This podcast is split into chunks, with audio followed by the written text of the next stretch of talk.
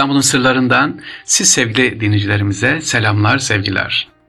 Dinleyen tüm ayrı ayrı dinleyicilerimize selam olsun efendim. Rabbim maddi manevi sıkıntılarımızı gidersin, ferahlık, huzur nasip etsin inşallah.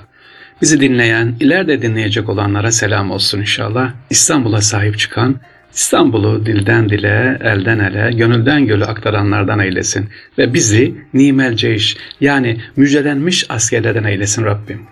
Sevgiliciler, bugün size İstanbul'da çay keyfinden bahsetmek istiyorum. Çay. Çayı sever misiniz? Bahri abiniz pek o kadar çok çay içmez. Sabahlar o kadar veya misafirlikte bir bardak. Ama çay tiryakileri var. İstanbul'da kıraathaneler var değil mi? Yani okuma yerleri, okuma salonları eskiden kahvehane değil kıraathaneydi. Ve çayhaneler var o zaman. Özel çay pişirilen, çay demlenilen yerler, çay satılan yerler. Ama ben bugün sizlere kıtlama çayda, İstanbul'da kıtlama çay içilir mi? Nerede ya da semaver nedir efendim? Bunlardan bahsetmek istiyorum. Birinci bölümümüzde programımız inşallah. Kıtlama dediğimiz şey nereden geliyor sevgiliciler? Erzurumlar hemen diyecek, aa hocam kıtlama bizim diyeceksiniz ama İstanbul'da da kıtlama var. Ben kıtlamanın nereden geldiğini ve semaverin ne olduğunu kısaca aktarmak istiyorum. Semaver aslında Rusça bir deyim. Sema, ver, çok kaynayan, devamlı kaynayan demek sevgiliciler. Semaver dediğimiz zaman çünkü semaver biliyorsun devamlı kaynar. Özellikle tasavvuf erbabı dervişler semaveri çok severler. Bununla ilgili ilahi de var. Devamlı kaynadığı için çay tiryakileri iyi bilirler. Ee, özellikle 19. yüzyıl sonları ülkemizde malum savaş ortamı var. Birinci Dünya Savaşı'ndan önce, Birinci Dünya Savaşı ve sonra Erzurum'da o yönde kolera salgını var sevgiliciler. Erzurum'da valilik yapan Osmanlı Paşası halkı sürekli uyarıyor. Diyor ki sakın kaynatılmadan su içmeyin diye. Fakat buna pek kimsenin itibar ettiği yok. Bunun üzerine paşa semaverden yaralanmaya karar veriyor ve semaverler yaptırıyor. Her mahallenin giriş veya meydan kısmına semaver yerleştiriyor. Bugünkü küçük değil büyük semaverler her birinin başında bir iki görevli tayin ediyor. İnsanlara da duyuru yapıyor. Bundan sonra çayınızı ve suyunuzu buradan alacaksınız diye. Evet, çayların semaverde demlenme hikayesi de buradan başlıyor. Peki şeker neden böyle sevgiliciler? Tabi o dönemde kıtlık var. Şeker bu kadar kolay gelmiyor.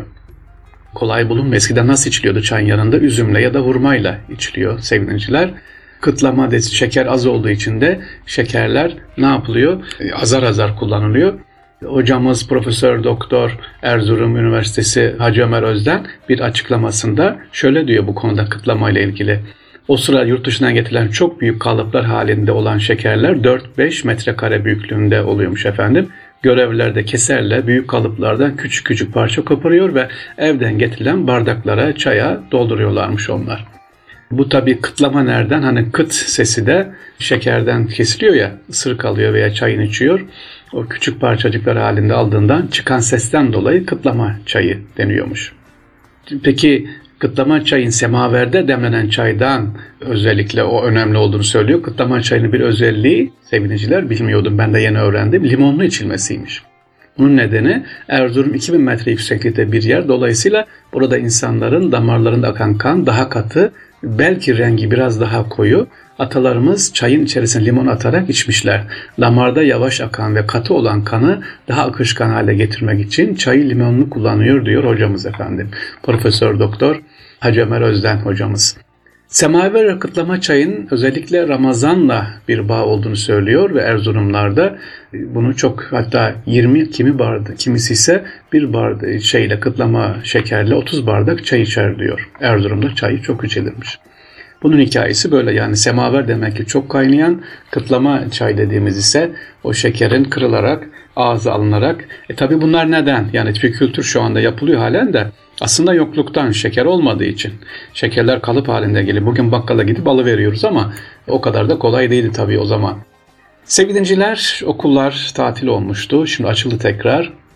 Tabii yavrularımız eğer vakit bulurlarsa dershaneden, kurslardan, özel eğitimden biraz geçsin diyorum ama inşallah bu sesim, bu tavsiyem dinlenilir. Çünkü tüm ailelere söylüyorum ne olur hiç olmazsa bir iki saatinizi haftada şu müzelere ayırın, İstanbul'u gezmeye ayırın diye. Hepsinin bana tüm anne babaların söyledi. Hocam vaktimiz mi var? Vaktimiz mi var? Niye? E çocuk dershaneye gidiyor, özel okulu var, özel pardon hocası var. İşte özel ders alıyor, test çözecek. Tabii ki çözsün ama ne olur biraz da nefes alsın bu çocuklar diyorum ve İstanbul'da iki özel müzeden bahsetmek istiyorum efendim. Birisi Beyoğlu İstiklal Caddesi'nde bulunan bir müze. Ben de gittim oraya. İllüzyon Müzesi var. İlginç çocukların böyle merak edeceği bir e, müze. Hemen orada gidip mesela İstiklal Caddesi'nin orada üç katlı Narmanhan'ın girişinde e, ailecek gidilebilecek müzede 60'tan fazla etkinlik var.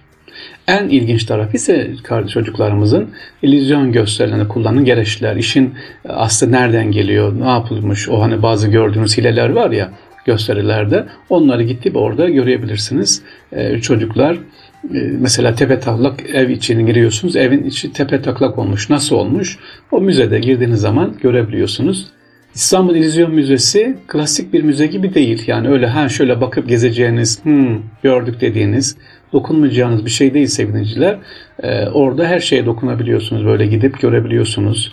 İllüzyon odalarını tecrübe ederek o görsellere, fotoğraflara ya da oradaki eşyalara dokunabiliyorsunuz ki çocuklar için özellikle gitmenizi istediğim bir müze akıl oyunları var orada çocuklar için kullanabileceğimiz. Yani gidip de yarım saatte bir saate çıkacağınız bir yer değil orası. Şöyle bir iç, iç saat en azından hatta 4 saat rahat bir vakit geçirebilirsiniz İllüzyon Müzesi'nde.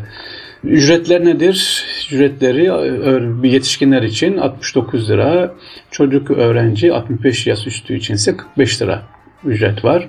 Yani toplu girişlerde tabii e, indirimler var. Çocukların yaşlarına göre ayrı ayrı indirimler var. Ziyaret saati ise sevgiliciler saat 10'da başlıyor ve akşam 22'ye kadar devam ediyor. Akşam 22'ye kadar evet. Öyle 8'de 9'da kapanmıyor. Haftanın her günü açık. Yani pazar günü dahi açık. Haftanın her günü 7 gün açık sevgiliciler. Neredeymiş yeri? İstiklal Caddesi'nde Narmanlı Han'ın hemen girişinde. Tam adres isterseniz Narmanlı İstiklal Caddesi numara 180'de bulabilirsiniz İllüzyon Müzesi'ni. Çocuklarımızla birlikte gidebileceğiniz, görebileceğiniz bir başka müze daha var. Kadıköy'de oturanlar özellikle o tarafa yakın yeni bir müze. Temmuz ayında bu yıl açılmıştı. E, müze Gazhane. Neresiymiş bu müze gazhane? Anadolu yakasının ikinci, İstanbul'un ise son gazhanesi olan 1891 yılında hizmet vermeye başlayan Hasanpaşa gazhanesi tam 101 yıl boyunca şehrin İstanbul'umuzun aydınlatma ve yakıt ihtiyacını burası karşılıyor. Zamanla teknolojisi eskidi tabii. Çevre ve insan sağlığı için sakıncalı olduğunu düşünülmüş ve yetkililer tarafından 1993 yılında e, İstanbul'daki diğer gazhanelerle birlikte kapanıyor, üretimine son veriliyor. Bu gazhanemiz 130 yıllık sevgiliciler Türkiye'nin en önemli endüstriyel miraslarından bir tanesi bu.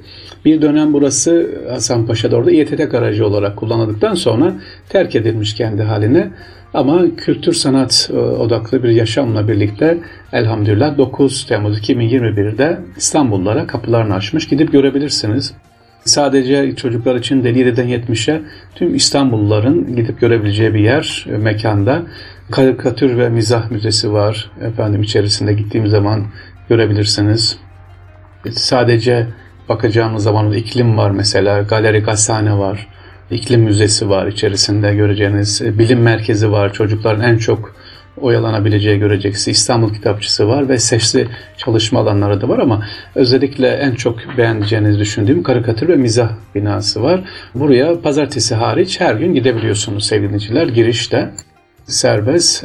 Yerini bir daha tarif edeyim hemen. E, Kurbalı Dere Caddesi numara 125 Hasanpaşa Kadıköy. Ulaşımda çok kolay sevgiliciler. Nereyi anlatıyorum? E, gazhane, müze gazhane. Çocuklarla birlikte gidebileceğiniz, gezebileceğiniz iki yeni müzeyi size aktarmış oldum. Birisi Nizyon Müzesi, Taksim İstiklal Caddesi'nin Armanlıhan'da, diğeri de Gazhane Hasanpaşa'da. Soru tavsiyemi tekrar ederek bugünkü programı bitireyim. Çocuklarımız İstanbul'u sevdirelim. Tamam e, test de çözsünler ama arada bir İstanbul'u da çözsünler inşallah. Allah emanet olunuz. Kolay gelsin efendim.